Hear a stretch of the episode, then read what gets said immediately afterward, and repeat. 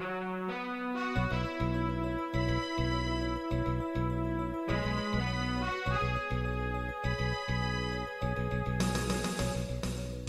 listening to Radio Free Asia. The following program is in Khmer.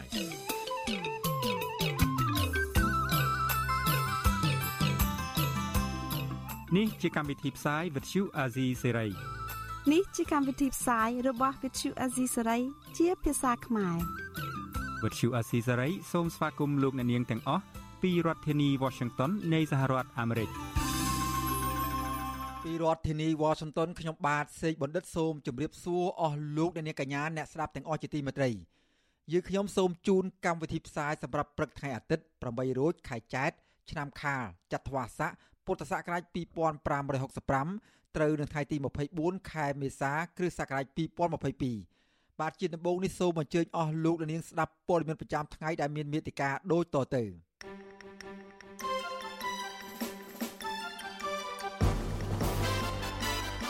ក្រសួងការពារជាតិនៃប្រទេសទាំង10របស់អាស៊ានបញ្ញាពង្រឹងសហប្រតិបត្តិការយោធា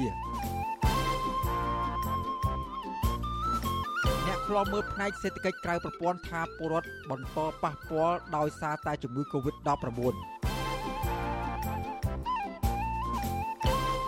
មយុវជនធ្វើយុទ្ធនាការជីកង់រំលឹកខួបនៃអំពើឃាតកម្មលើវីរៈជនការពីប្រឈើលោកឈុតវុធីសមត្ថកិច្ចរាជធានីភ្នំពេញបន្តប្រាហឹង្សាទៅលើកោតក្រ Nagawal រួមនឹងព័ត៌មានផ្សេងផ្សេងមួយចំនួនទៀត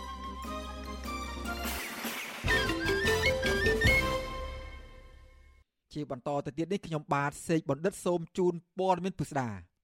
អ្នកខ្លំមើលផ្នែកសេដ្ឋកិច្ចក្រៅប្រព័ន្ធមើលឃើញថា អ្នកប្រកបមុខរបរលក់ដូរនិងអ្នកដឹកភ្ញៀវនៅតំបន់ទេសចរពួកគាត់មិនទាន់ទទួលបានជីវភាពសមរម្យនៅឡើយទេការលើកឡើងនេះគឺផ្ទុយពីអ្វីដែលរដ្ឋាភិបាលអះអាងថាចំនួនអ្នកទេសចរចាប់ផ្ដើមកើនឡើងខ្លាំងដែលធ្វើឲ្យវិស័យទេសចររស់ឡើងវិញក្រោយធូរស្រាលពីវិបត្តិជំងឺ Covid-19 បាទពីរដ្ឋធានី Washington លោកជាតិចំណានរាយការណ៍ជុំវិញព័ត៌មាននេះអ្នកប្រកបរបរសេដ្ឋកិច្ចក្រៅប្រព័ន្ធនៅតែត្អូញត្អែថាពួកគាត់ ពិបាកស្វែងរកប្រាក់ចំណូលសម្រាប់ចិញ្ចឹមជីវិតដដែលបើទោះបីជារដ្ឋាភិបាលបានអនុញ្ញាតដល់ភ្ញៀវទេសចរជាតិនិងអន្តរជាតិអាចដើរលេងកម្សាន្តនៅក្នុងប្រទេសកម្ពុជាក្តីមគ្គទេសទេសចរខេត្តសៀមរាបលោកពុយលេខប្រាប់វិសុយស៊ីស្រីនៅថ្ងៃទី23ខែមេសាថាក្នុងឆ្នាំ2022នេះមានភ្ញៀវទេសចរមកលេងតំបន់អង្គរច្រើនគួរសមក៏ប៉ុន្តែភ្នាក់ច្រើនជាភ្ញៀវជាតិឯភ្ញៀវបរទេសមិនច្រើននោះទេហើយភ្ញៀវទាំងនោះក៏មិនសូវចាយវាលើសេវាទេសចរដូចឆ្នាំមុនមុនប៉ុន្មានទេក្រោយពីវិបត្តិជំងឺ Covid-19 មក លោកបន្ថែមថាចំពោះអ្នកលក់ដូរតូចតាចនៅតំបន់អង្គរអ្នកបម្រើសេវាភ្ញៀវទេសចរនិងអ្នកនាំភ្ញៀវទេសចរពួកគាត់ក៏មិនសូវរកចំណូលបានច្រើនដូចពីមុនទេ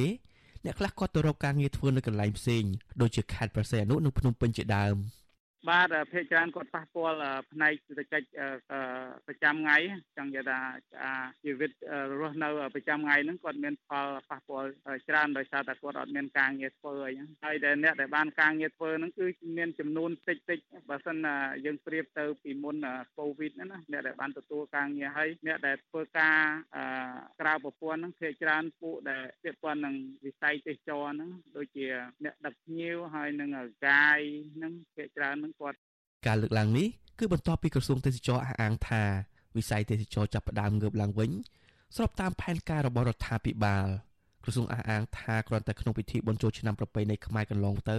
មានភ្ញៀវទេសចរជាតិនិងអន្តរជាតិជាង5លាននាក់បានដើរកម្សាន្តនៅទូទាំងប្រទេសដែលចំណាយថវិកាអស់ប្រមាណ270លានដុល្លារអាមេរិកក្រសួងបានថែមថាសម្រាប់ខេត្តសៀមរាបអាចរកចំណូលបានជាង30លានដុល្លារក្នុងរដូវចូលឆ្នាំលើពីនេះលោកនាយករដ្ឋមន្ត្រីហ៊ុនសែន ក៏បានថ្លែងដែរថាការដើរកម្សាន្តរបស់ភ្ញៀវទេសចរជាការផ្ទេរប្រាក់ចំណូលពីអ្នកមានចំណូលខ្ពស់មធ្យមទៅកាន់អ្នករកស៊ីក្រៅប្រព័ន្ធឬទៅកាន់អ្នកក្រីក្រនៅតាមជនបទដែលមានលក់របស់ហូបចុកដែលធ្វើឲ្យចរន្តសេដ្ឋកិច្ចវិល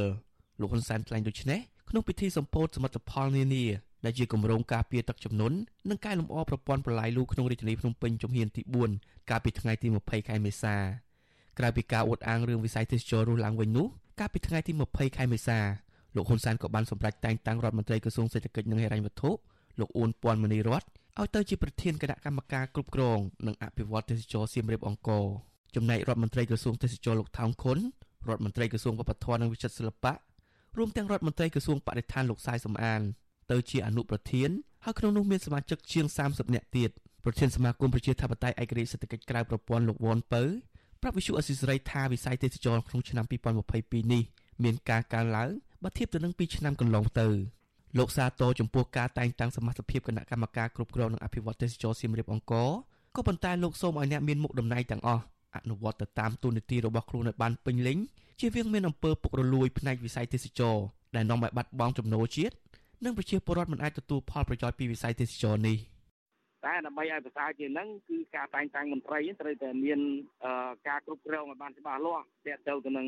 ជាវាកុំឲ្យមន្ត្រីប្រព្រឹត្តអំពើពុករលួយយកលុយវិស័យទេសចរចូលហោបាយខ្លួនឯងឬក៏បង្កើតវិស័យទេសចរដើម្បីទៅបាក់ពួកឬក៏ក្រុមរបស់ខ្លួនតែប៉ុណ្ណោះអាហ្នឹងគឺយើងអត់សាទរដែរតែបើតែតាំងហើយរៀបចំទេសចរប្រកបដោយតម្លាភាពប្រកបដោយមិនមានការបាក់ពួកនិយមមិនថាអ្នកមានអ្នកក្រអាចទទួលផលវិស័យទេសចរបានវាជាការល្អរបាយការណ៍របស់ក្រសួងទេសចរដែលចេញផ្សាយកាលពីថ្ងៃទី1ខែមេសាបានបង្ហាញថាសម្រាប់ត្រីមាសទី1ឆ្នាំ2022 កម្ពុជាទទួលបានភ្ញៀវទេសចរអន្តរជាតិសរុបជាង150,000នាក់គឺកើនឡើង114%បើធៀបនឹងរយៈពេលដូចគ្នាកាលពីឆ្នាំ2021គឺមានភ្ញៀវទេសចរប្រមាណ70,000នាក់ភាគច្រើនភ្ញៀវទេសចរអន្តរជាតិទាំងនោះមកពីប្រទេសថៃវៀតណាមឥណ្ឌូនេស៊ីចិនកូរ៉េជប៉ុនបារាំងអង់គ្លេសនិងសហរដ្ឋអាមេរិកដោយឡែកភ្ញៀវទេសចរជាតិវិញ មានសរុបប្រមាណ3លាននាក់គឺកើនឡើងជាង48% បើធៀបរយៈពេលដូចគ្នាកាលពីឆ្នាំ2021ក្នុងនោះគឺមានពលរដ្ឋខ្មែរប្រមាណ2លាន5សែននាក់និងភ្ញៀវទេសចរបរទេសដែលរស់នៅក្នុងប្រទេសកម្ពុជា មានប្រមាណ30ម៉ឺននាក់អ្នកខ្លំមើលបញ្ហាសង្គមយល់ថារ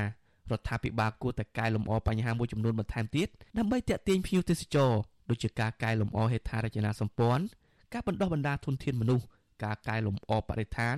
ការស្ដារប្រជាធិបតេយ្យនិងការគោរពសិទ្ធិមនុស្សជាដើមដើម្បីកុំឲ្យមានកេរ្តិ៍ឈ្មោះអាក្រក់លើឆាកអន្តរជាតិ ខ្ញុំបាទជាចំណាន Visual Assisray ពីរដ្ឋធានី Washington បាទពាក់ព័ន្ធនឹងស្ថានភាពជំងឺ Covid-19 វិញក្រសួងសុខាភិបាលរកឃើញករណីឆ្លងជំងឺ Covid-19 ចំនួន28អ្នកបន្ថែមទៀតដែលសុទ្ធតែជាមេរោគប្រភេទ Omicron និងជាករណីឆ្លងនៅក្នុងសហគមន៍តែទោះយ៉ាងណាក្រសួងប្រកាសថាมันមានករណីស្លាប់ទេនៅថ្ងៃដដែលនោះគិតត្រឹមព្រឹកថ្ងៃទី23ខែមេសាកម្ពុជាមានអ្នកកើតជំងឺ Covid-19 ជាង136,000នាក់ ក្នុងនោះអ្នកជាសះស្បើយមានប្រមាណ132,000នាក់និងអ្នកស្លាប់មានចំនួន3056នាក់ទោះបីជាចំនួនអ្នកឆ្លង COVID-19 មិនទាន់មានសន្ទុះកើនឡើងខ្លាំងក្តីអ្នកនាំពាក្យក្រសួងសុខាភិបាលអ្នកស្រីអវ៉ាន់ឌិននៅតែបន្តក្រើនរំលឹកឲ្យគ្រូពេទ្យត្រៀមលក្ខណៈជានិច្ច ដើម្បីឆ្លើយតបឲ្យទាន់ពេលវេលាក្នុងករណីជំងឺ Covid-19 ងើបឡើងវិញដោយប្រការណាមួយជាពិសេសក្រោយពេលមានការជួបជុំសប្បាយរីករាយនៅក្នុងពិធីបុណ្យចូលឆ្នាំខ្មែរកន្លងទៅនេះក្រសួងសុខាភិបាលប្រកាសថាគិតត្រឹមថ្ងៃទី26ខែមេសារដ្ឋាភិបាលបានចាក់វ៉ាក់សាំងគ្រប់ដូសជូនដល់ប្រជាពលរដ្ឋជាង14លាននាក់រីឯដូសជំរុញទី3និងទី4វិញរដ្ឋាភិបាលចាក់ជូនប្រជាពលរដ្ឋបានជាង9លានដូស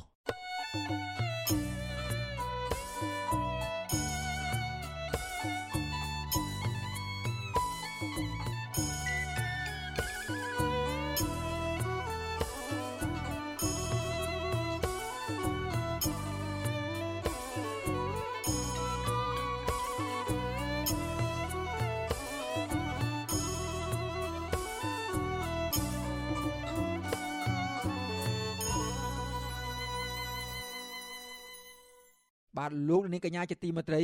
សមត្ថកិច្ចរាជធានីភ្នំពេញបន្តប្រើហិង្សាទៅលើក្រុមកម្មករ Nagawal ដោយចាប់បញ្ចូលក្នុងឡានក្រុងចំនួន3គ្រឿងនៅពេលដែលក្រុមកោតក្រជាង100នាក់បានមកជួបជុំគ្នាធ្វើកោតកម្មនៅខាងមុខក្រុមហ៊ុនបងលបែង Nagawal កាលពីថ្ងៃទី23ខែមេសាម្សិលមិញកោតក្រម្នាក់គឺកញ្ញាពៅរស្មី បានឲ្យអាស៊ីសេរីដឹងថាសមត្ថកិច្ចចាប់បង្ខំឲ្យពួកគេចូលឡានក្រុងហើយដឹកចេញទៅក្រៅក្រុង បែកខាងខណ្ឌជ្រោយចង្វានិងខណ្ឌរសីកែវដោយបើកចុះឡើង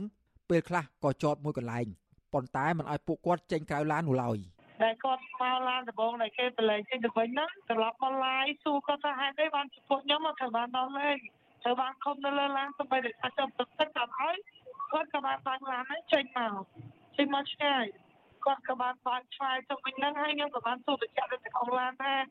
ពួកខ្ញុំត្រូវយកទៅណា ពួកខ្ញុំខុសអីបានល្មើគេក្នុងឡានគឺគាត់ឆ្លើយថាគាត់មិនទេគាត់ធ្វើតាមគេគេឲ្យគាត់នឹងដឹកពួកខ្ញុំដល់មក6កន្លះទៅមក7បានយកពួកខ្ញុំត្រឡប់ទៅវិញហើយពួកខ្ញុំក៏សួរថាបងមេបងឯងខាងណាហេតុអីត្រូវចាប់ពួកខ្ញុំអញ្ចឹងហេតុអីត្រូវយកពួកខ្ញុំអត់ល្មើគេត្រូវចាប់ដល់មក6បានមក7បានយកទៅវិញក្រុមកោតក្រផ្សេងទៀតឲ្យដឹងដែរថានៅរសៀលល្ងាចថ្ងៃទី23ខែមេសា បុគ្គលិកនាការវើជាង100នាក់ត្រូវបានអាជ្ញាធរចម្រុះរាប់រយនាក់ប្រើអំពើហិង្សាលួចមួលក្តិចរុញច្រានស្រែកសម្លុតឲ្យចូលឡាន នៅមុខក្រុមហ៊ុន Nagavel 1និងនៅមុខក្រុមហ៊ុន Nagavel 2នៅថ្ងៃដដែលនោះបុគ្គលិក Nagavel បានចែកគ្នាជា3ក្រុមដើម្បីសម្រុកទៅឈរនៅខាងមុខក្រុមហ៊ុន Nagavel 1និងក្រុមហ៊ុន Nagavel 2ដើម្បីធ្វើកោតកម្មឲ្យថៅកែក្រុមហ៊ុននេះចេញមុខមកដោះស្រាយជាមួយនឹងបុគ្គលិករបស់ខ្លួនទាំងអស់គ្នា ប៉ុន្តែពេលទៅដល់ខាងមុខក្រុមហ៊ុនពួកគេឈរបានបន្តិចក៏ត្រូវបានកងកម្លាំងសមត្ថកិច្ចចម្រុះជាច្រើនអ្នករុញច្រានបន្លំមូលក្តិចនិងបង្ខំពួកគាត់ឲ្យឡើងឡានក្រុងហើយដឹកចេញពីកន្លែងដែលពួកគេកំពុងជួបជុំគ្នានោះពួកគេចាត់ទុកទង្វើបែបនេះថាជាអំពើអយុត្តិធម៌និងរំលោភលើសិទ្ធិនិងរាងកាយពួកគេយ៉ាងធ្ងន់ធ្ងរព្រមទាំងទាមទាររដ្ឋាភិបាលដោះស្រាយរឿងនេះជាបន្ទាន់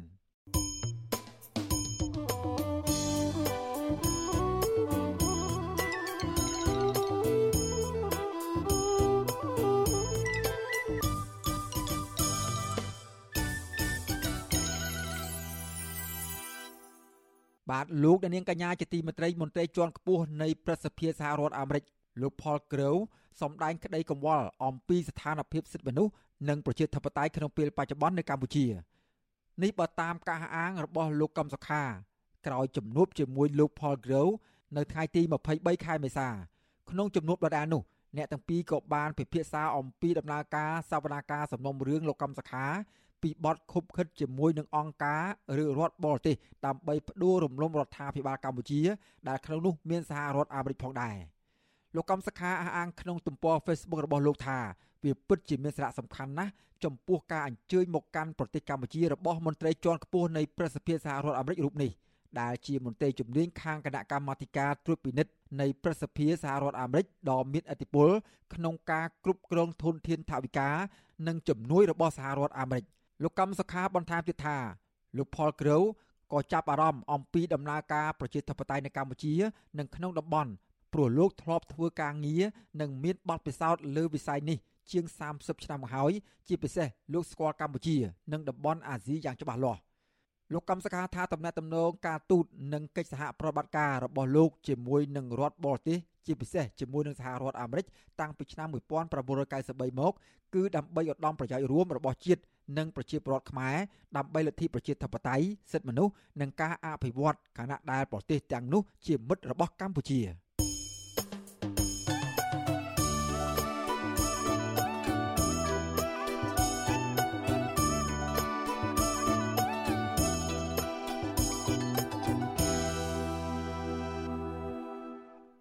បាទលោកនាងកញ្ញាជាទីមេត្រីពាក់ព័ន្ធនឹងដំណើរទស្សនកិច្ចរបស់លោកនាយករដ្ឋមន្ត្រីហ៊ុនសែននៅប្រទេសជប៉ុនឯនោះវិញ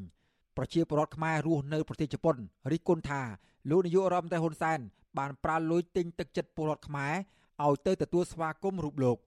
ឆ្លើយតបទៅនឹងការចោទប្រកាន់នេះអ្នកនាំពាក្យគណៈបកកណ្ដាលអំណាចបដិសេធថាគ្មានការទិញទឹកចិត្តប្រជាពលរដ្ឋខ្មែរនៅជប៉ុនឲ្យមកជួបលោកហ៊ុនសែននោះទេបាទពីរដ្ឋធានីវ៉ាស៊ីនតោនលោកយុនសមៀនរាយការណ៍អំពីព័ត៌មាននេះ ខ្មែររស់នៅប្រទេសជប៉ុនឲ្យដឹងថាមានការរៀបចំឲ្យពលរដ្ឋខ្មែរជួបលោកហ៊ុនសែនដោយប្រើប្រាស់លុយទិញទឹកចិត្តនិងមានការបង្ខិតបង្ខំឲ្យនិស្សិតធ្វើវីដេអូគាំទ្រការបំពេញទស្សនកិច្ចរបស់លោកហ៊ុនសែននៅប្រទេសជប៉ុនពួកគេលើកឡើងថាការរៀបចំឲ្យពលរដ្ឋខ្មែរជួបលោកហ៊ុនសែនគឺជារូបភាពមួយទៀតនៃការពង្រឹងអំណាចគណៈបកកណ្ដាលអំណាច នៅប្រទេសជប៉ុន ហើយនេះបានចងជើងនិស្សិតនិងកម្មសិក្សាការីដែលមកធ្វើការនៅប្រទេសជប៉ុនឲ្យចូលជាសមាជិកគណៈបកប្រជាជនកម្ពុជាជាមុនសិន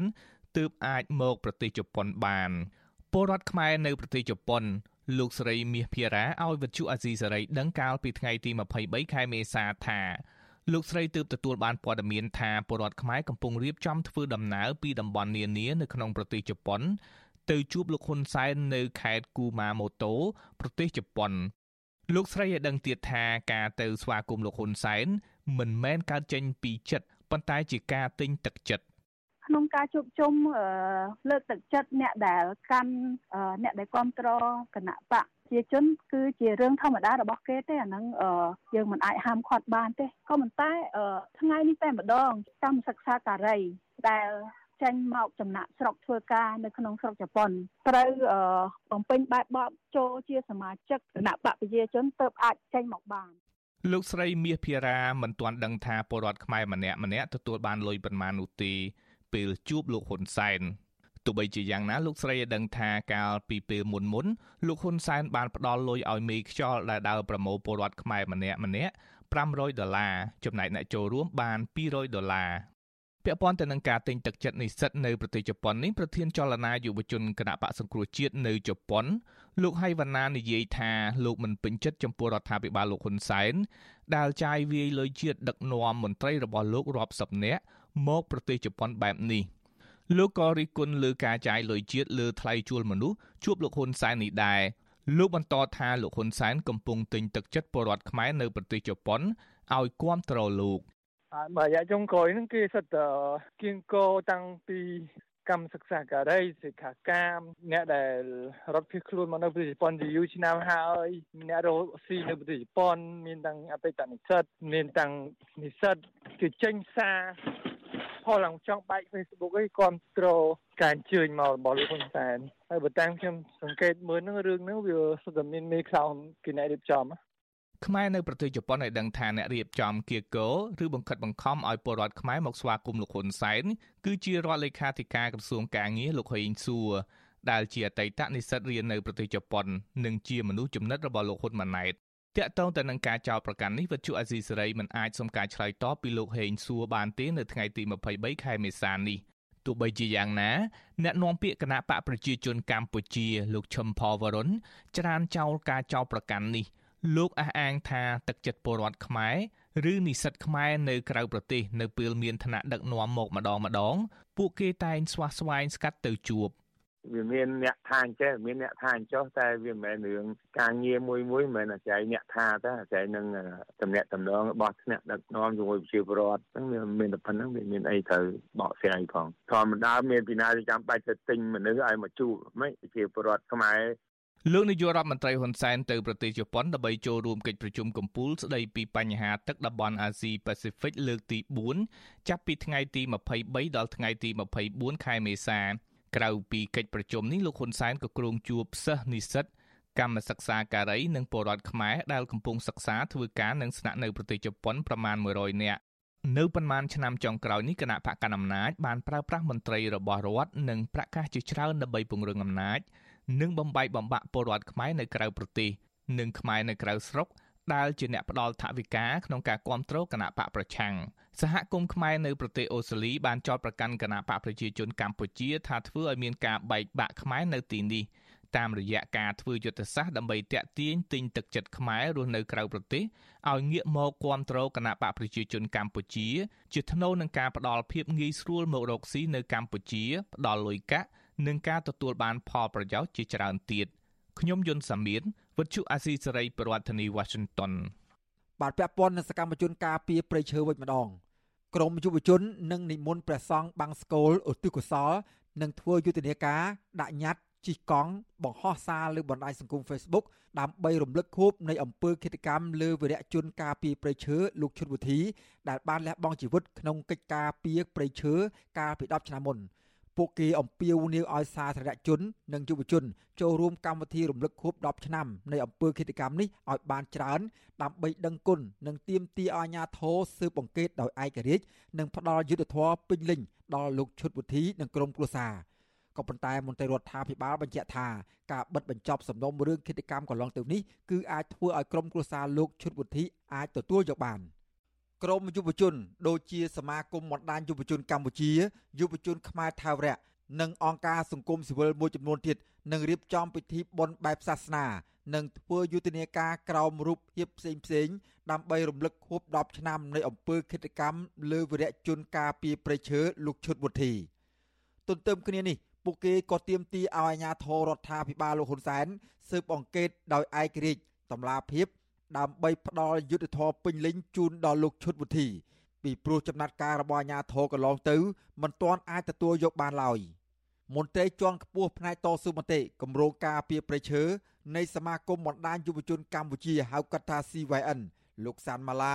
ឲ្យវិទ្យុអសីសេរីដឹងថាក្រមយុវជន និងអង្គការសង្គមស៊ីវិលនឹងរៀបចំប្រារព្ធពិធីបុណ្យបង្សុកូលឧទ្ទិសកុសលជូនដល់លោកឈុតវុធី នៅព្រឹកថ្ងៃទី25ខែមេសា លោកបន្តថាខួប10ឆ្នាំនៃគិតកម្មនេះ ខាងលោកនឹងយកញត្តិទៅដាក់នៅក្រសួងយុទ្ធភ័ពនិងក្រសួងមហាផ្ទៃនៅថ្ងៃទី26ខែមេសាដើម្បីទាមទារឲ្យស្ថាប័នមានសមត្ថកិច្ចទាំងនោះបង្ហាញការស៊ើបអង្កេតពាក់ព័ន្ធណាមួយ ដែលអាចជឿទុកចិត្តបានលោកសាន់ម៉ាឡាបន្ថែមថាក្រមអង្គការសង្គមស៊ីវិលនឹងធ្វើយុទ្ធនាការនៅលើបណ្ដាញសង្គម Facebook ដោយបដូរ profile បង្ហោះរូបនិងវីដេអូខ្លីៗរួមគ្នាលើកឡើងអំពីវីរៈភាពរបស់លោកឈុតវុធីហើយប្រជាពលរដ្ឋជាពិសេសយុវជនក៏អាចចូលរួមកម្មវិធីទាំងនោះ នៅការិយាល័យផ្ទះសាមគ្គី ដែលស្ថិតនៅស្ថានសែនសុខបានដែរយើងក៏គ្រូធ្វើការផ្លាស់ប្ដូរ profile picture នៅលើ Facebook របស់យើងទាំងអស់គ្នាដាក់ រូបលោកឈុតវិធីហើយមហាជនគាត់ក៏អាចចូលរួមមួយយើងបានដែរបាទដើម្បីជាការក្រើនរំលឹកឬក៏ជំរាបជូនទៅសាធារណជនថារយៈពេល10ឆ្នាំហើយដែលលោកឈុតវិធីនៅមិនទាន់ទទួលបានយុត្តិធម៌នៅឡើយ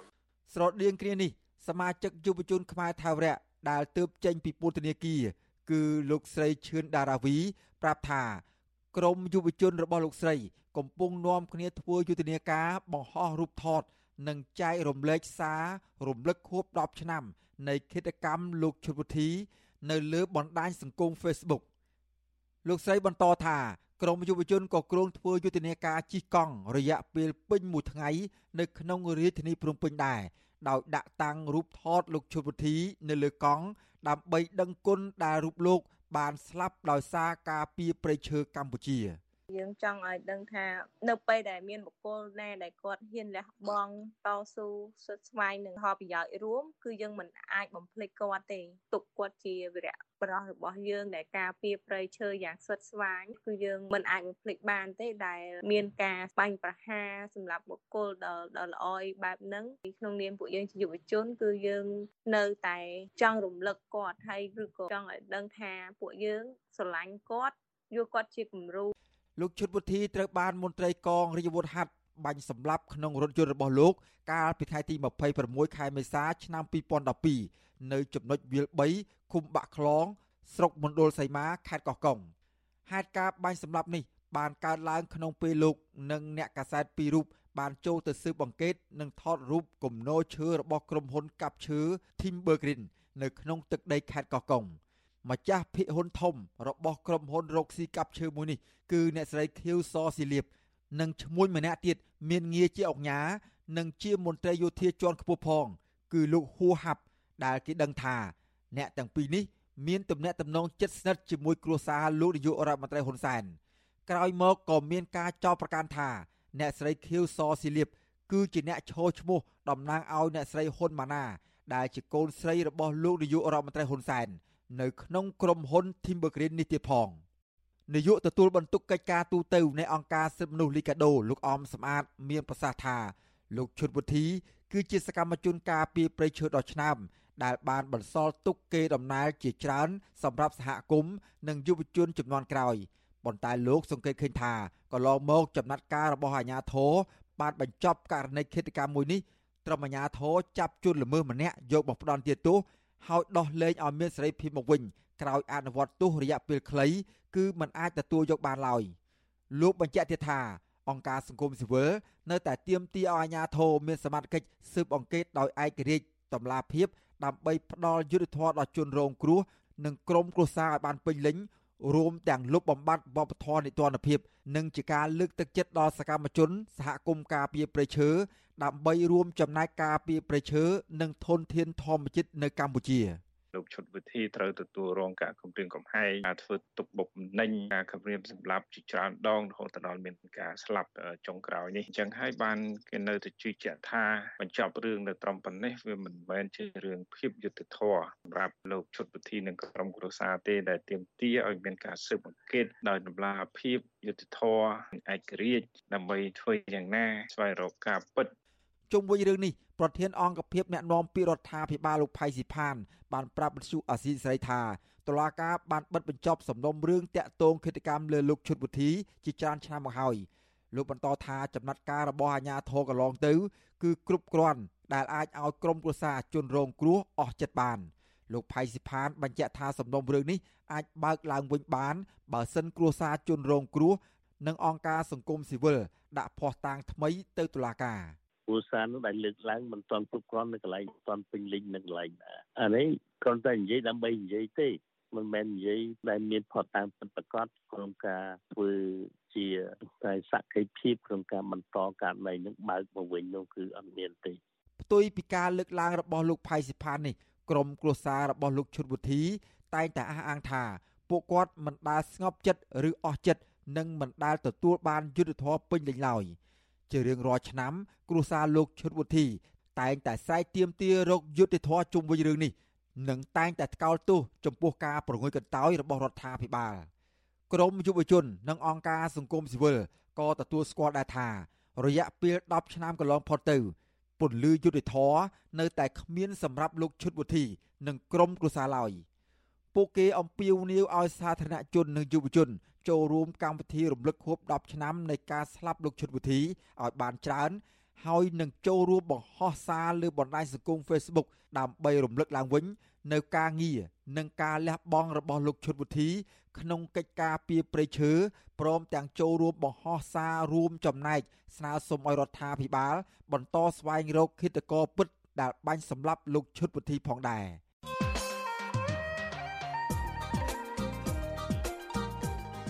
បាទលោកអ្នកនាងកញ្ញាជាទីមេត្រីពាក់ព័ន្ធនឹងខួបនៃការស្លាប់របស់លោកឈុតវុធីនេះដែរនៅថ្ងៃទី26ខែមេសាខាងមុខគឺមានរយៈពេល10ឆ្នាំគត់ដែលឃាតករបានបាញ់សម្លាប់វីរៈជនការពីប្រៃឈើលោកឈុតវិធីក្រមគ្រួសារលោកឈុតវិធីអង្គការសង្គមស៊ីវិលសកម្មជនសិទ្ធិមនុស្សសកម្មជនសង្គមសកម្មជនប្រៃឈើនិងបរិស្ថានព្រមទាំងសហគមន៍ខ្មែរនៅក្រៅប្រទេសនឹងនាំគ្នាធ្វើបុណ្យរំលឹកខួប10ឆ្នាំនៃគិតកម្មនេះ តើក្រមគ្រួសារលោកឈុតវិធីធ្វើអ្វីខ្លះក្នុងការទៀមទារោគយុទ្ធធរក្នុងសំណុំរឿងនេះ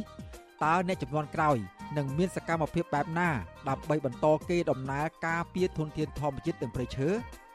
លោកដានៀងនឹងបានស្ដាប់ការបកស្រាយអំពីភ្ញៀវរបស់យើងនៅក្នុងនីតិវិទ្យាអ្នកស្ដាប់វិទ្យុអសីស្រីអំពីបញ្ហានេះនៅរាត្រីថ្ងៃអង្គារទី26ខែមេសា នៅក្នុងការផ្សាយពីម៉ោង7កន្លះដល់ម៉ោង9យប់កុំបីខាន បើសិនជាលោកដានៀងមានសំណួរឬក៏ចង់សួរភ្ញៀវរបស់យើងដោយផ្ទាល់សូមលោកអ្នកនាងដាក់លេខទូរស័ព្ទរបស់អស់លោកអ្នកនាងនៅក្នុងខ្ទង់ comment ឬប្រអប់សារ Messenger តាម Facebook និង YouTube របស់អាស៊ីសេរី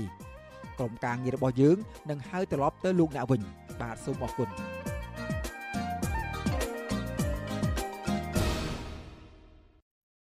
បាទពាក់ព័ន្ធនឹងបញ្ហាសិទ្ធិមនុស្សវិញមន្ត្រីការពារសិទ្ធិមនុស្ស ព្រួយបារម្ភកាន់តែខ្លាំងចំពោះករណីប្រជាពលរដ្ឋខ្មែរនិងជនបរទេសដែលនៅតែបន្តរងគ្រោះដោយសារធ្វើការងារនៅក្នុងក្រុមហ៊ុនលបែងអនឡាញដែលកំពុងប្រតិបត្តិការនៅក្នុងប្រទេសកម្ពុជានាយកទទួលបន្ទុកកិច្ចការទូតនៃអង្គការលីកាដូគឺលោកអំសំអាតថ្លែងថាកន្លងមកអង្គការសង្គមស៊ីវិលក៏បានតាមដានលើបញ្ហាកេងប្រវ័ញ្ចនិងការធ្វើបាបលើពលរដ្ឋខ្មែរនិងជនបរទេសមួយចំនួនដោយក្រុមហ៊ុនអនឡាញទាំងនេះ ហើយក្រុមអង្គការសង្គមស៊ីវិលក៏ធ្លាប់ធ្វើសេចក្តីថ្លែងការណ៍រួមបង្ហាញក្តីព្រួយបារម្ភរួចមកហើយដែរលោកបន្តថាបញ្ហាទាំងនេះគឺជារឿងធ្ងន់ធ្ងរដូច្នេះហើយទើបប្រទេសមួយចំនួនដូចជាប្រទេសថៃប្រទេសវៀតណាមប៉ាគីស្ថាន និងប្រទេសផ្សេងផ្សេងទៀតបានចេញសេចក្តីថ្លែងការណ៍ឲ្យប្រជាពលរដ្ឋរបស់ពួកគេប្រុងប្រយ័ត្នខ្ពស់អំពីការឆបោកតាមប្រព័ន្ធអនឡាញនានាការជួញដូរមនុស្សការបង្ខាំងមនុស្សនិងអំពើចាប់ចម្រិតមនុស្សជាដើម មន្ត្រីសិទ្ធិមនុស្សរូបនេះនៅតែទទូចទៅការរដ្ឋាភិបាលឲ្យទប់ស្កាត់បង្ការបង្ក្រាបទៅលើក្រុមហ៊ុនអនឡាញខុសច្បាប់ទាំងអស់នេះដើម្បីកុំឲ្យមានជនរងគ្រោះកាន់តែច្រើនឡើងថែមទៀតនិងដើម្បីកុំឲ្យប៉ះពាល់ដល់កិត្តិយសរបស់ប្រទេសកម្ពុជា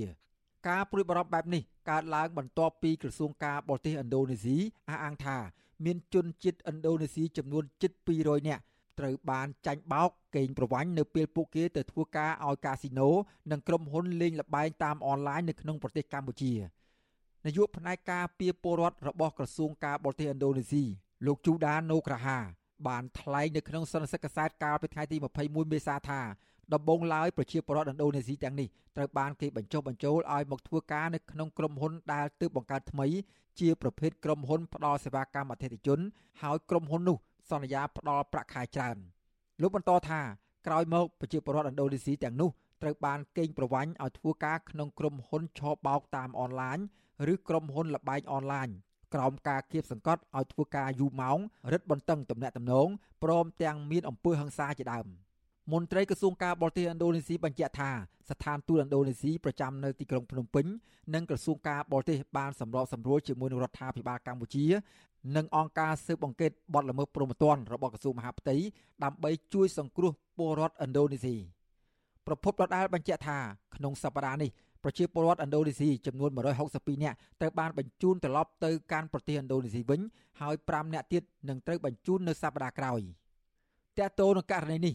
វិទ្យុអសីសេរីពុំទាន់អាចសុំការឆ្លើយតបពីអ្នកនាំពាក្យអគ្គស្នងការដ្ឋាននគរបាលជាតិលោកឆៃកឹមខឿននិងអ្នកនាំពាក្យស្នងការដ្ឋាននគរបាលក្រុងភ្នំពេញលោកសានសុកសិហាបានទេដោយទូរស័ព្ទហៅចូលតែពុំមានអ្នកទទួលករណីពលរដ្ឋខ្មែរនិងជនជាតិបរទេសត្រូវបានចាញ់បោកទៅធ្វើការឲ្យក្រុមហ៊ុនអនឡាញខុសច្បាប់នេះកើតឡើងជាយូរមកហើយនិងកាន់តែមានទំហំធំក្រុមជនរងគ្រោះអះអាងថាអ ுக ្រិតជនដែលបើកក្រុមហ៊ុនឆបោកទាំងនោះ ភ ieck ច្រើនគឺជាជនជាតិចិនដែលកំពុងរស់នៅក្នុងប្រទេសកម្ពុជា ជនជាតិបរទេសដែលរងគ្រោះទាំងនោះរួមមានជនជាតិថៃម៉ាឡេស៊ីនិងឥណ្ឌូនេស៊ីជាដើម។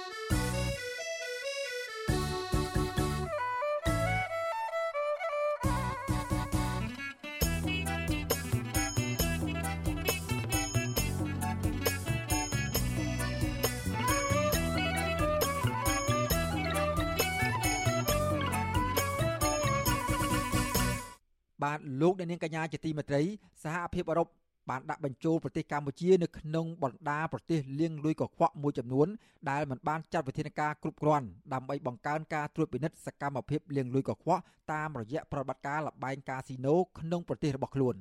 ការចាត់កម្ពុជាក្នុងបញ្ជីប្រទេសលាងលុយកខ្វក់របស់សហភាពអឺរ៉ុបនេះស្របពេលដែលក្រមការងារហិរញ្ញវត្ថុដែលជាស្ថាប័នដែលមានឥទ្ធិពលខាងឃ្លាំមើលអំពើលាងលុយកខ្វក់នៅទូទាំងពិភពលោក ក៏បានដាក់បញ្ចូលកម្ពុជាក្នុងបញ្ជីប្រភេទនៃក្រមប្រទេសមានហានិភ័យខ្ពស់ខាងអំពើលាងលុយកខ្វក់អស់រយៈពេលជាង3ឆ្នាំមកហើយគណៈកម្មការសហភាពអឺរ៉ុបហៅកាត់ថា EC ថ្មីថ្មីនេះបានបង្ហាញបញ្ជីឈ្មោះប្រទេសលាងលុយកខ្វក់ជាច្រើនក្នុងនោះមានប្រទេសកម្ពុជាផងថាมันបានចាត់វិធានការឲ្យបានមើងម៉ាត់ដើម្បីរកប្រភពនៃការលាងលុយកខ្វក់ដូចជាតាមដានអតិថិជន ពីការសង្ស័យថាតើបានលុយដ៏ច្រើនផ្ញើមកពីណា និងថាតើប្រទេសដែលជាអតិថិជនផ្ញើលុយចេញមក ជាប្រទេសដែលស្ថិតនៅក្នុងបញ្ជីលាងលុយកខ្វក់ឬក៏យ៉ាងណាក្រមអ្នកឃ្លាំមើលនៅកម្ពុជាលើកទឹកចិត្តដល់ប្រទេសកម្ពុជាឲ្យបន្តចាត់វិធានការពិតប្រាកដប្រឆាំងនឹងអំពើលាងលុយកខ្វក់ដោយត្រួតពិនិត្យឲ្យបានច្បាស់លាស់ពីប្រភពនៃលំហូរទុនវិនិយោគរបស់ប្រទេសជាពិសេសពីប្រទេសកុម្មុយនីសចិននិងកន្លែងកាស៊ីណូធំធំជាដើម។ សហភាពអឺរ៉ុបបានតាមដានប្រមូលព័ត៌មានចុងក្រោយ ស្ដីពីប្រទេសលាងលុយកខ្វក់កាលពីឆ្នាំ2020ដោយបានធ្វើបច្ចុប្បន្នភាពបញ្ជីឈ្មោះទៀងទាត់ក្រោយពីបានបញ្ចប់ការវិតម្លៃនិងកំពុងវិតម្លៃជាបន្តពីសកម្មភាពនៃប្រទេសទាំងនោះការវិតម្លៃលើកក្រោយនៃបញ្ជីឈ្មោះប្រទេសទាំងនោះនឹងគ្រោងធ្វើនៅឆ្នាំ2025ខាងមុខការវិតម្លៃពីស្ថានភាពលាងលុយកខ្វក់នៃប្រទេសនីមួយៗ សហភាពអឺរ៉ុបផ្អែកលើការប្រមូលព័ត៌មានពីប្រភពច្បាស់លាស់និងទុកចិត្តមួយចំនួនរួមមានសេវាកម្មសកម្មភាពខាងក្រៅរបស់អឺរ៉ុបប្រទេសជាសមាជិករបស់សហភាពអឺរ៉ុបអាជ្ញាធរត្រួតពិនិត្យរបស់សហភាពអឺរ៉ុបក្រមការងារហិរញ្ញវត្ថុនិងមូលនិធិរូបិយវត្ថុអន្តរជាតិហៅកាត់ថា IMS ជាដើម។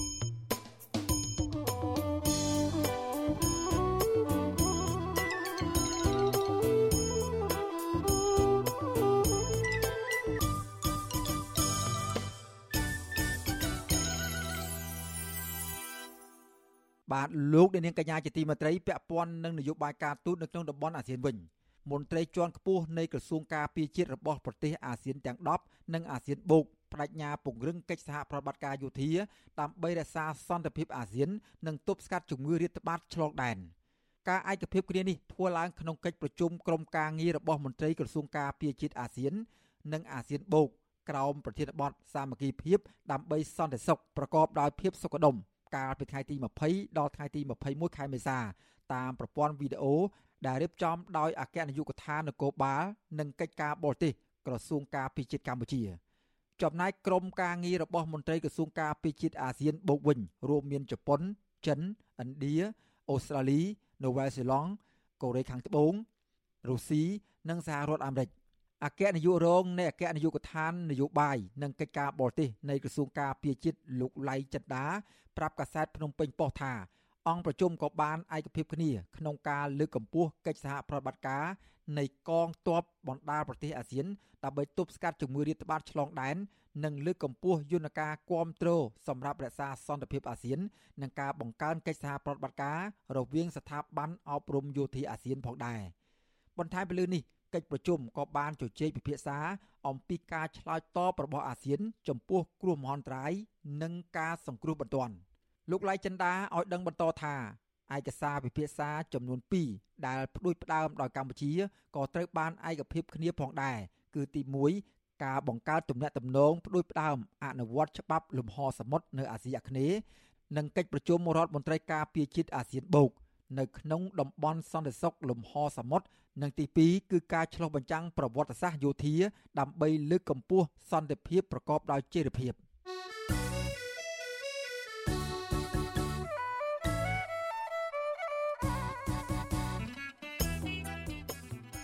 បាទលោកនាងកញ្ញាជាទីមេត្រី ក្រៅពីការតាមដានស្ដាប់ការផ្សាយរបស់វិទ្យុអស៊ីសេរីតាមបណ្ដាញសង្គម Facebook YouTube Telegram លោកអ្នកនាង ក៏អាចតាមដានស្ដាប់ការផ្សាយរបស់យើងខ្ញុំ តាមរយៈបណ្ដាញសង្គម Instagram របស់វិទ្យុអស៊ីសេរីតាមរយៈតំណភ្ជាប់ www.instagram.com/rfa ខ្មែរ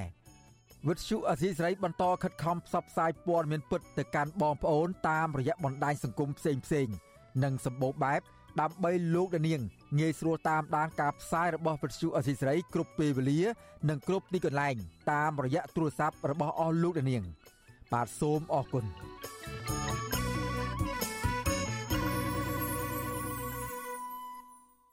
បាទលោកអ្នកនាងកញ្ញាជាទីមេត្រីរដ្ឋមន្ត្រីការបរទេសកម្ពុជាលោកប្រាក់សុខុនជំរុញឲ្យគណៈកម្មាធិការចម្រុះកិច្ចការព្រំដែនកម្ពុជាឡាវ ពន្លឿនការបោះបង្គោលព្រំដែនដែលនៅសេសសល់ប្រមាណ14%ឲ្យបានឆាប់ចប់និងជជែកពិភាក្សាអំពីសេចក្តីព្រៀងសន្ធិសញ្ញាព្រំដែនបន្ទាប់ពីភាគីនៃប្រទេសទាំងពីរបានព្រមព្រៀងគ្នាកាលពីខែវិច្ឆិកាឆ្នាំ2021កម្ពុជានិងឡាវមានព្រំដែនជាប់គ្នាប្រវែង540គីឡូម៉ែត្រការជំរុញរបស់លោកប្រាក់សកលនេះធ្វើឡើងក្នុងជំនួបជាមួយឯកអគ្គរដ្ឋទូតឡាវដែលទើបតែងតាំងថ្មី គឺលោកកៅភូមិវងសាយ កាលពីថ្ងៃទី22ខែមេសានៅទីស្តីការក្រសួងការបរទេសភាគីទាំងពីរក៏បានជជែកពិភាក្សាអំពីគម្រោងរៀបចំកិច្ចប្រជុំនៃគណៈកម្មការចម្រុះកិច្ចការព្រំដែនកម្ពុជាឡាវនៅខែកក្កដាខាងមុខនៅរាជធានីភ្នំពេញសេចក្តីថ្លែងការណ៍របស់ក្រសួងការបរទេសកាលពីថ្ងៃទី22ខែមេសាឲ្យដឹងថាលោកប្រាក់សុខុនក៏បានលើកទឹកចិត្តឲ្យមានកិច្ចសហប្រតិបត្តិការបន្ថែមលើវិស័យពាណិជ្ជកម្មវិនិយោគអប់រំនិងវិស័យទេសចរ ព្រមទាំងបង្កើនទំនាក់ទំនងនៃប្រជាពលរដ្ឋរបស់ប្រទេសទាំងពីរថែមទៀតផងក្នុងជំនួបនេះដែរភាគីទាំងពីរក៏បានជជែកអំពីបញ្ហានៅក្នុងតំបន់និងអន្តរជាតិព្រមទាំងកិច្ចសហប្រតិបត្តិការរបស់អាស៊ានក្នុងក្របខ័ណ្ឌជាមួយនឹងសហគមន៍អន្តរជាតិកាលពីថ្ងៃទី20ខែមេសាឯកអគ្គរដ្ឋទូតឡាវលោកបូកៅភូមិវងសាយក៏បានជួបពិភាក្សាជាមួយរដ្ឋមន្ត្រីក្រសួងមហាផ្ទៃលោកសខេង ដោយភាគីទាំងពីរបដិញ្ញាបន្តកសាងទំនាក់ទំនងរវាងកម្ពុជានិងឡាវនិងពង្រឹងពង្រីកកិច្ចសហប្រតិបត្តិការរវាងក្រសួងមហាផ្ទៃនៃប្រទេសទាំងពីរឲ្យកាន់តែមានការរីកចម្រើនបន្ថែមទៀតជាពិសេសបន្តកិច្ចសហប្រតិបត្តិការរក្សាសន្តិសុខនៅតាមព្រំដែន។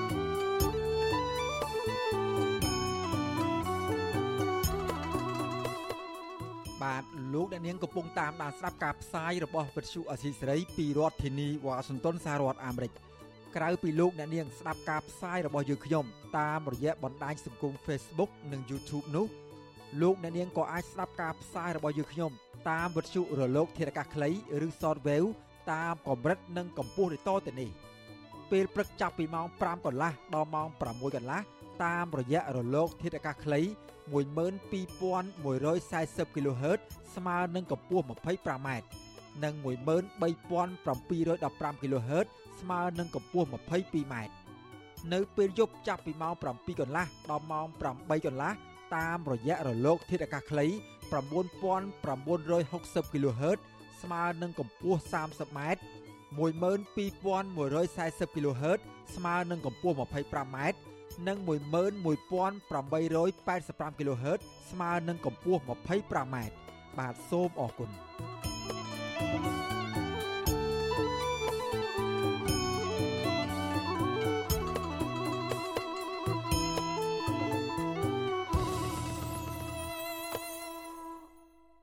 បាទលោកនាងកញ្ញាជាទីមេត្រីតកតងនឹងសកម្មភាពប្រចាំសប្តាហ៍ពាក់ព័ន្ធនឹងដំណើរឆ្ពោះទៅរកការបោះឆ្នោតជ្រើសរើសក្រុមប្រឹក្សាឃុំសង្កាត់វិញ អ្នករាយការណ៍ព័ត៌មានរបស់វិទ្យុអសីសេរីពីរដ្ឋធានីវ៉ាស៊ីនតោនលោកជាតិចំណាននឹងជម្រាបជូនអស់លោកនាងនៅព្រឹត្តិការណ៍សំខាន់សំខាន់ដែលកើតឡើងនៅក្នុងសប្តាហ៍នេះតាក់ទងទៅនឹងការបោះឆ្នោតជ្រើសរើសក្រុមប្រឹក្សាឃុំសង្កាត់អាណត្តិទី5ដូចតទៅនេះសកម្មជនគណៈបកភ្លើងទៀន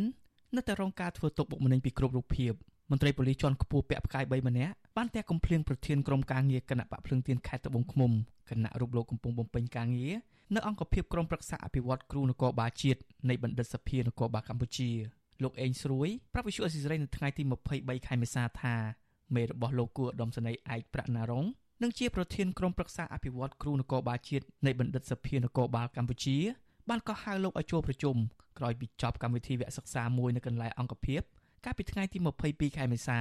លោកថាដើមចមដែលបណ្ដាលឲ្យកើតមានករណីហិង្សាលើលោក គឺដោយសារតែលោកប្រាក់ណារុងបានហាមឃាត់លោកមិនឲ្យថតរូបក្នុងកម្មវិធីវគ្គសិក្សានោះដោយចោទថាលោកបានយកម៉ោងការងារក្នុងស្ថាប័នរដ្ឋទៅបម្រើឲ្យគណៈបកនយោបាយផ្សេងចំណែកឯបេក្ខជនឈរឈ្មោះបោះឆ្នោតជ្រើសរើសក្រុមប្រឹក្សាគុំសង្កាត់របស់គណៈបកភ្លើងទៀនម្នាក់ទៀតគឺអ្នកស្រីលឹមសានត្រូវបានជន់មិនស្គាល់មុខ2នាក់ជិះម៉ូតូបុកផ្ដួលបណ្ដាឲ្យរងរបួសធ្ងន់នៅផ្លូវលំចូលវត្តកុលតតឹងសង្កាត់ព្រែកថ្មីខណ្ឌច្បារអំពៅអ្នកស្រីចាត់ទុកករណីបុកផ្ដួលម៉ូតូនេះគឺជាចេតនាពន់ពងសម្រាប់ និងគម្រាមកំហែងផ្នែកនយោបាយមុននឹងការបោះឆ្នោតសមត្ថកិច្ចជំរុញឲ្យជនរងគ្រោះដាក់ពាក្យប្តឹងនិងសហការផ្ដាល់ផោះតាងប៉ុន្តែមន្ត្រីសង្គមស៊ីវិលមើលឃើញថា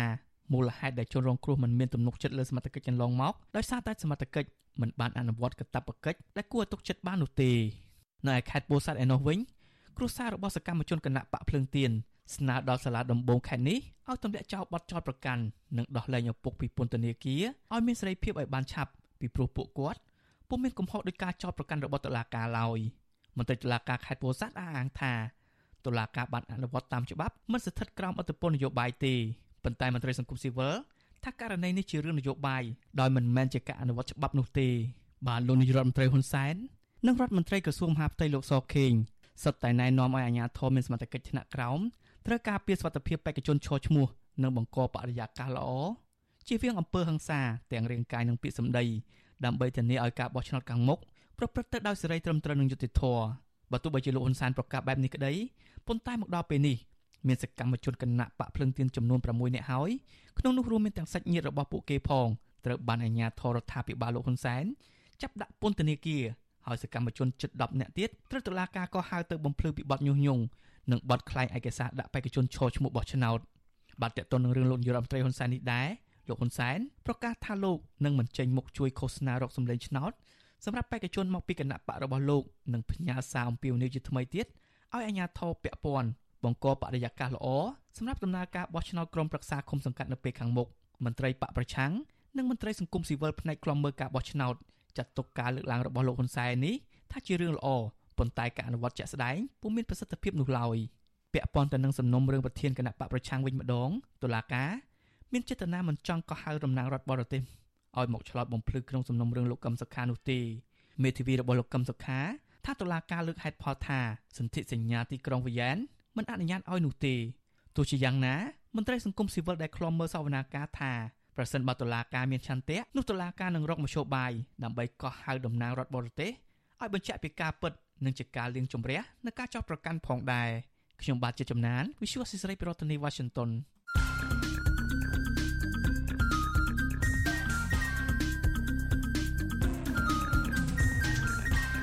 បទសំភារ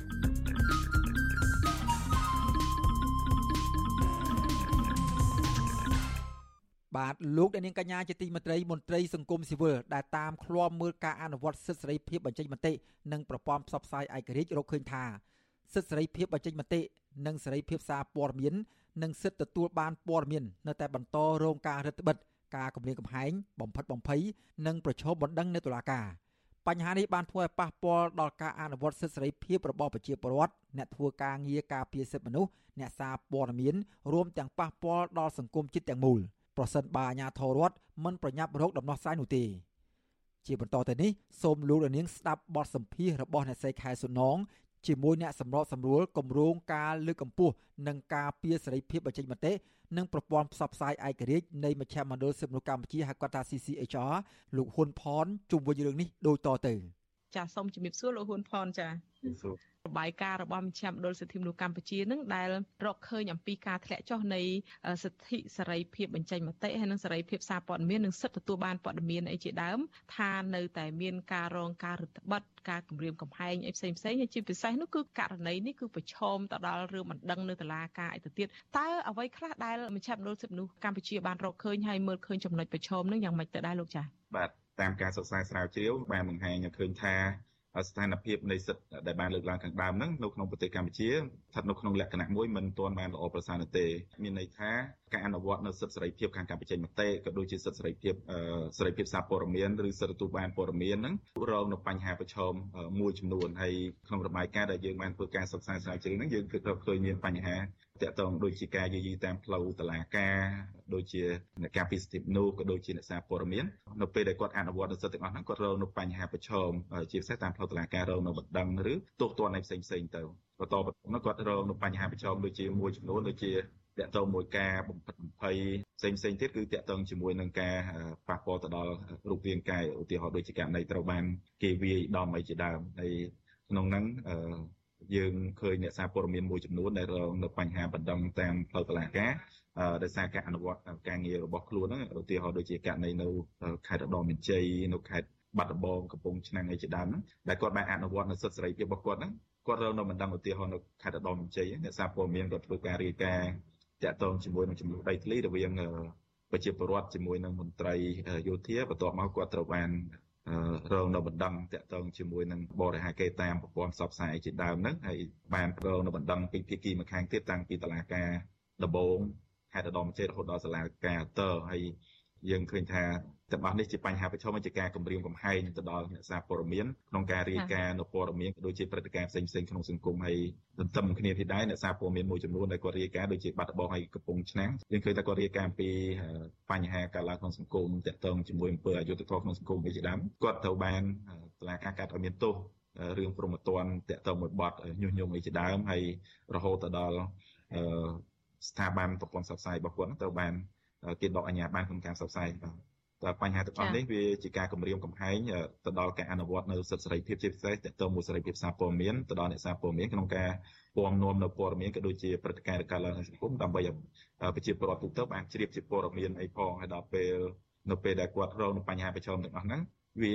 ជាករណី1 2ឬ3 4 5ឬ6ឬ10ឬលើសពីហ្នឹង ប៉ុន្តែវាជាការគម្រាមកំហែងទូទៅទៅដល់អនុវត្តសិទ្ធិសេរីភាពសារព័ត៌មាននៅក្នុងប្រទេសកម្ពុជាទាំងមូលមិនមែនមានន័យថាកាត់ឡើងមួយវាជារឿងមួយទេប៉ុន្តែវាជាការគម្រាមកំហែងទូទៅដែលធ្វើជាការបញ្ញត្តិស្មារតីធ្វើឲ្យអ្នកផ្សេងផ្សេងទៀតអ្នកសារព័ត៌មាននៅធ្លាប់តែអនុវត្តសិទ្ធិសេរីភាពរបស់គាត់មានការក្រែងរឯងមិន អាចអនុវត្តសិទ្ធិសេរីភាពរបស់ខ្លួនឯងបានពេញលេញដោយនៅក្នុងរបាយការណ៍ដែលយើងបានធ្វើការសិក្សាស្រាវជ្រាវអញ្ចឹងយើងឃើញថាការដាក់កម្រិតខ្លួនឯងហ្នឹងមានការកើនឡើងអញ្ចឹងមានន័យថាម៉េចមានន័យថាអ្នកសារព័ត៌មានក៏ដូចជាពលរដ្ឋអ្នកធ្វើការងារពាក់ព័ន្ធជាមួយនឹងរឿងសិទ្ធិមនុស្សក៏តាក់ទងមួយបញ្ហាសង្គមមុននឹងចេញឲ្យមួយមានការដាក់កម្រិតខ្លួនឯងពិនិត្យមើលថាវាយ៉ាងម៉េចដែរមិនដែរមានន័យថាអាសេរីភាពនៃការបញ្ចេញមតិរបស់ខ្លួនហ្នឹងមានការធ្លាក់ចុះមិនអាចបញ្ចេញអ្វីដែលខ្លួនចេញអញ្ចឹងវាជាឧបសគ្គមួយដល់រដ្ឋាភិបាលដល់ទូអង្គរដ្ឋ ក្នុងការទទួលបាននូវព័ត៌មាននៃការឡើងក្នុងសង្គមជាក់ស្ដែងថាវាយ៉ាងម៉េចយ៉ាងម៉េចអញ្ចឹងនៅពេលដែលបញ្ហាដូចជាការគម្រាមកំហែងតាមផ្លូវតុលាការការបៀតបៀនក្នុងទម្រង់ផ្សេងៗនៃការបៀតបៀននេះវាជាឧបសគ្គមួយដែលធ្វើឲ្យរដ្ឋមិនអាចទទួលបានព័ត៌មានពេញលេញហើយវាផលជះវាអាចប៉ះពាល់ដល់ច្រើនទី1ករណីនៃការរំលោភសិទ្ធិមនុស្សវានឹងមានការកើនឡើងហើយមិនត្រូវបានរាយការណ៍ចឹងរដ្ឋនៅបាត់បង់នៅព័ត៌មានហ្នឹងមួយទី2វាជាឱកាសមួយក្នុងការប្រព្រឹត្តអំពើពុករលួយផង ធ្វើពុករលួយនៅពេលដែលអ្នកសារព័ត៌មានក៏ដូចជាប្រជាពលរដ្ឋមិនអាចបញ្ចេញព័ត៌មានបានមិនអាចបញ្ចេញសម្ដែងមតិបានជាហានិភ័យមួយតែដោយសារយើងឃើញថារដ្ឋាភិបាលលោកឃើញមានគោលការណ៍ក្នុងការលុបបំបាត់អំពើពុករលួយប៉ុន្តែនៅពេលដែលសេរីភាពសារព័ត៌មានក៏ដូចជាសេរីភាពចេញមតិទៅបានរដ្ឋបတ်អញ្ចឹងវាជាឱកាសមួយក្នុងការប្រព្រឹត្តអំពើពុករលួយអញ្ចឹងបុគ្គលដែលមានអំណាចដែលអាចអាចឆ្មក់យកឱកាសហ្នឹងក្នុងការប្រព្រឹត្តអំពើពុករលួយអញ្ចឹងវាយើងឃើញថាផលជះវាធំធេងនិងប៉ះពាល់ទៅដល់ មិនត្រឹមតែប្រជាពលរដ្ឋដែលអនុវត្តអ្នកសារព័ត៌មានឬអ្នកធ្វើការក្នុងវិស័យសិទ្ធិមនុស្សក៏ដូចជាប្រជាពលរដ្ឋទូទៅក្នុងការអនុវត្តសិទ្ធិសេរីភាពចេញមតិរបស់ខ្លួននេះប៉ុន្តែផលជះវិញប៉ះពាល់ដល់សង្គមទាំងមូលអញ្ចឹងការលើកកម្ពស់ទៅដល់សេរីភាពបញ្ចេញមតិសេរីភាពសារព័ត៌មានគឺក៏ដូចជាសិទ្ធិទទួលបានព័ត៌មាននេះវាមានសារៈសំខាន់ណាស់ដែលរដ្ឋគួរតែពិចារណាហើយធ្វើការលើកកម្ពស់នូវសិទ្ធិទាំងអស់នេះវិញ ចាអរគុណច្រើនលោកហ៊ុនផនដែលបញ្យលក្បោះក្បាយអំពីការយល់ឃើញនិងការរកឃើញរបស់មជ្ឈមណ្ឌលសិទ្ធិមនុស្សកម្ពុជាអំពីរឿងការធ្លាក់ចុះនៃសិទ្ធិសេរីភាពបញ្ចេញមតិនេះតែមានការរកឃើញថាការកើតឡើងនឹងគឺភាគច្រើនចេញពីអាជ្ញាធរឬក៏អ្នកអនុវត្តច្បាប់អីតែម្ដងឬក៏លក្ខខណ្ឌនៃការរកឃើញនឹងវាមានការរឹតបន្តឹងនិង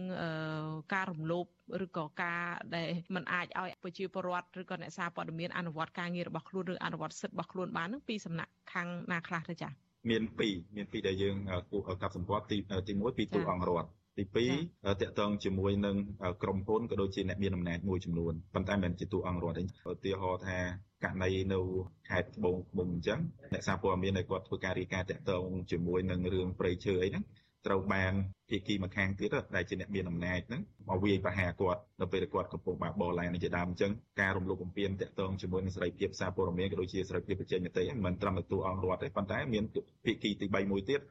ដែលជាអ្នកមានអំណាចមានលុយកាក់ហ្នឹងនៅពេលដែលអ្នកសារព័ត៌មានរាយការណ៍អំពី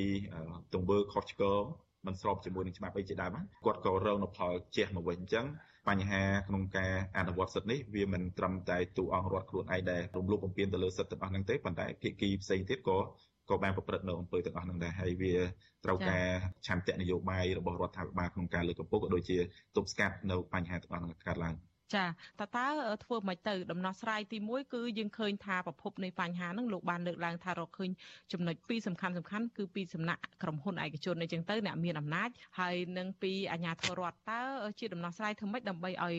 មានការអនុវត្តសិទ្ធិនឹងឲ្យបានល្អហើយកុំឲ្យជៀសវាងការរកឃើញដោយក្នុងរបាយការណ៍មជ្ឈមណ្ឌលសិទ្ធិមនុស្សកម្ពុជារកឃើញបែបដូចនេះនោះចា៎ បាទអរគុណច្រើននៅក្នុងរបាយការណ៍របស់មជ្ឈមណ្ឌលសិទ្ធិមនុស្សកម្ពុជាផ្ដល់អនុសាសន៍ចំនួន12ចំណុចទាក់ទងជាមួយនឹងការដោះស្រាយបញ្ហាប្រឈមក៏ដូចជាផលប៉ះពាល់ទាក់ទងមួយសិទ្ធិសេរីភាពបញ្ចេញមតិសេរីភាពសារព័ត៌មាននិងសិទ្ធិទទួលព័ត៌មានឲ្យមានភាពប្រសើរ ប៉ុន្តែខ្ញុំសូមលើកជាសង្ខេប3ចំណុចធំធំទី1យើងកោតសម្គាល់ឃើញថាមួយរយៈពេលក្រោយនេះឃើញរដ្ឋាភិបាលបានអនុម័តច្បាប់ច្រើនមែនទែនច្បាប់ទាំងអស់នោះយើងឃើញថាមានចរិតលក្ខណៈរដ្ឋបတ်ទៅដល់សិទ្ធិសេរីភាពក្នុងការបញ្ចេញមតិក៏ដូចជាសិទ្ធិទូព័ត៌មានសេរីភាពសារព័ត៌មាននេះជាដើមហើយថ្មីថ្មីនេះយើងឃើញថាអនុក្រឹត្យមួយដែលរដ្ឋាភិបាលលោកបាន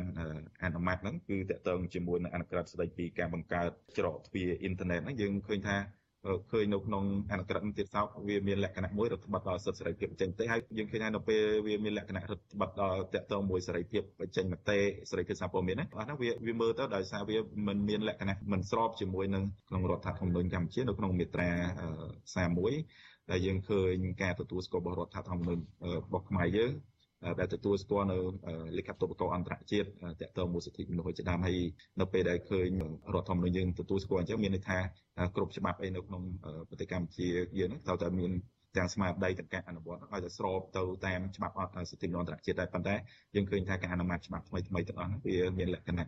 ផ្ទុយឬប្រឆាំងអញ្ចឹងរដ្ឋាភិបាលគួរតែពិចារណាឡើងវិញហើយលុបចោលនៅអនុក្រឹត្យមួយនឹងវិញដើម្បីលើកកម្ពស់នៅសេរីភាពបញ្ចេញមតិនឹងហើយមួយទៀតរហូតមកដល់ពេលបច្ចុប្បន្ននេះតកតងជាមួយនឹង ដំណើរការនៃតាក់តែងសេចក្តីព្រាងច្បាប់ទាក់ទងមួយសិទ្ធិទទួលព័ត៌មានហើយយើងឃើញថាសេចក្តីព្រាងច្បាប់នេះចំណាយពេលយូរមែនទែនប៉ុន្តែយើងឃើញនៅមានបទបញ្ញត្តិមួយចំនួនมันមានលក្ខណៈស្របជាមួយនឹងច្បាប់សិទ្ធិមនុស្សអន្តរជាតិហើយស្នើសុំថារដ្ឋាភិបាលគួរតែពិចារណាឲ្យពិនិត្យឡើងវិញហើយទាក់ទងជាមួយនឹង ភាពសមស្របជាមួយនឹងស្តង់ដារក៏ដូចជាបទដ្ឋានគតិយុត្តតកតងមួយច្បាប់សិទ្ធិមនុស្សអន្តរជាតិដើម្បីធ្វើការកែប្រែនៅបទបញ្ញត្តិមួយចំនួនហើយក្នុងនោះក៏ស្នើសុំដល់រដ្ឋាភិបាលក្នុងការពន្លឿននៅក្នុងការអនុម័តសេចក្តីព្រាងច្បាប់នោះឲ្យខ្លាយទៅជាជាច្បាប់ព្រោះតាមព័ត៌មានទទួលបានមកដូចជាមិនទៅណាសោះឃើញនៅសេចក្តីព្រាងច្បាប់នេះនៅក្នុងដៃក្រសួងព័ត៌មាននៅឡើយចំណុចទី2ដើម្បីដោះស្រាយបញ្ហាប្រឈមដែលបានកើតឡើងខាងលើយើងផ្ដល់ជាអនុសាសន៍ទៅវិញទៅដល់រដ្ឋាភិបាលគឺបញ្ឈប់ការយាយី ទាំងផ្លូវតឡាការឬ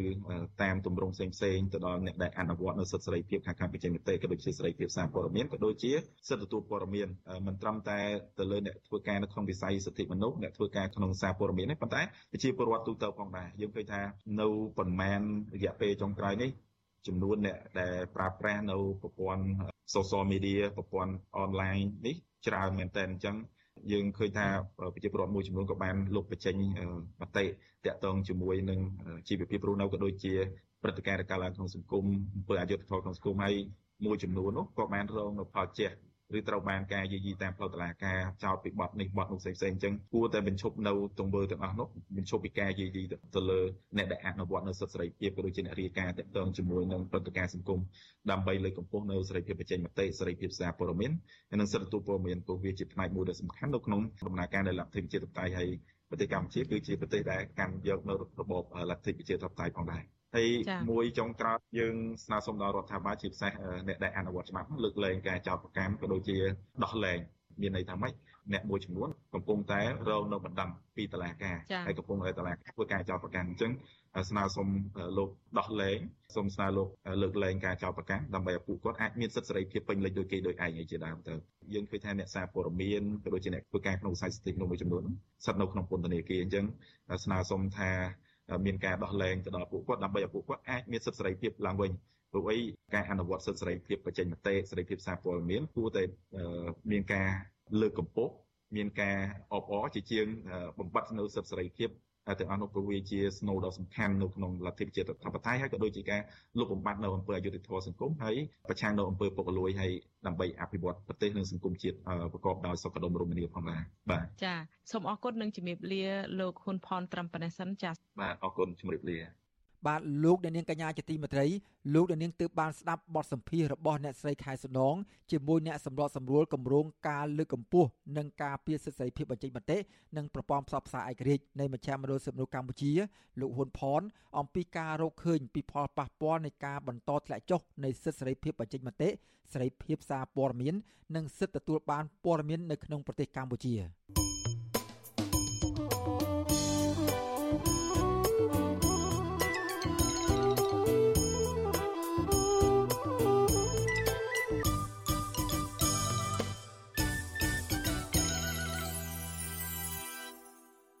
បាទលោកអ្នកនាងកញ្ញាជាទីមេត្រីការផ្សាយរបស់វិទ្យុអេស៊ីសរ៉ៃរយៈពេល1ម៉ោងមកនេះបានដល់ទីបញ្ចប់ហើយខ្ញុំបាទសេកបណ្ឌិតព្រមទាំងក្រុមការងារទាំងអស់នៃវិទ្យុអេស៊ីសរ៉ៃសូមជូនពរដល់អស់លោកអ្នកនាងឲ្យជួបប្រកបតែនឹងសេចក្តីសុខចម្រើនរុងរឿងកំបីគ្លៀងគ្លាតឡើយខ្ញុំបាទសូមអរគុណនិងសូមជម្រាបលា